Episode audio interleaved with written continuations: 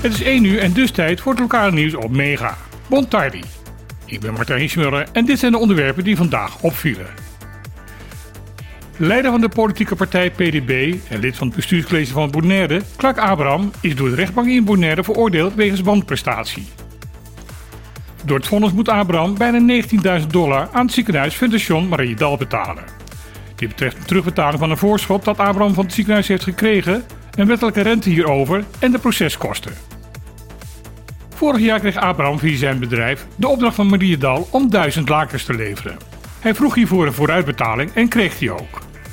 Uiteindelijk leverde Abraham maar 80 van de 1000 betaalde lakens. Toen het ziekenhuis het bedrag van de niet geleverde lakens probeerde terug te vorderen, kreeg men nul request. Zelfs een deurwaarder bleek niet te helpen. Daarom werd de gang naar de rechter gemaakt. Die heeft het ziekenhuis nu in gelijk gesteld.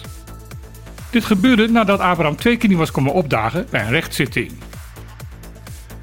Wat politiek de gevolgen van deze veroordeling gaat worden, is niet duidelijk. Volgens regels en wetgeving kan gedeputeerde Abraham gewoon zijn functie blijven uitoefenen.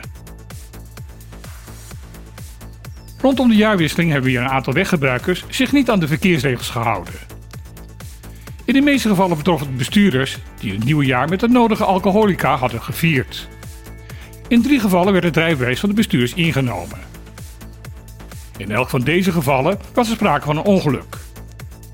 In twee zaken waren daar andere weggebruikers bij betrokken. In één geval reed een 34-jarige dronken man met zijn auto de Mundi in. Gelukkig was in geen van deze gevallen sprake van ernstige gewonden. Dat was wel het geval bij een hit-and-run geval. Hierbij werd een fietser aangereden door een pick-up. De bestuurder van de auto ging na het ongeluk er vandoor. De fietser bleef gewond achter en werd later door de ambulance naar het ziekenhuis gebracht. De politie constateert dat er steeds vaker sprake is dat de veroorzakers van een verkeersongeluk daarna doorrijden. Er wordt benadrukt dat wanneer een bij een ongeluk betrokken weggebruiker zich niet binnen drie uur na het incident meldt bij de politie, er sprake is van een misdrijf. Sea Turtle Conservation Bonaire zegt dat 2023 een zeer succesvol jaar is geweest.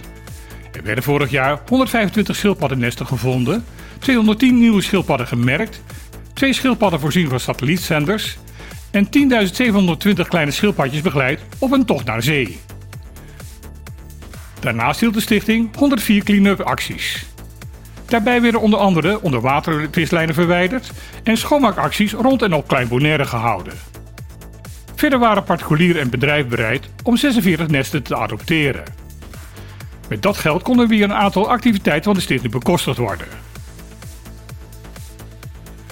In 2026 zullen alle adressen op Bonaire, Statie en Saba een postcode gaan krijgen.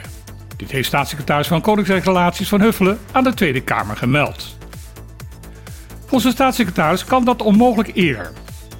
Om hier postcodes te kunnen invoeren moet er nog een heleboel gebeuren.